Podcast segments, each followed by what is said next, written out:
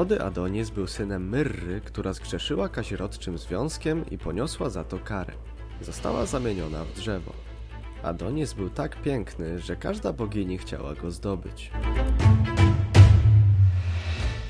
Mitologia Fenicja Adonis z pnia drzewa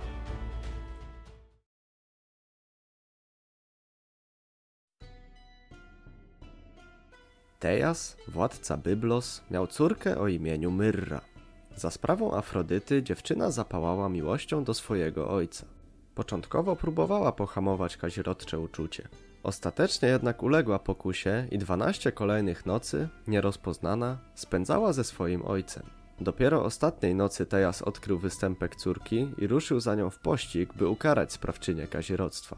Uciekająca Myrra odwołała się jednak do opieki bogów, którzy w swojej łasce zamienili ją w drzewo Mirry.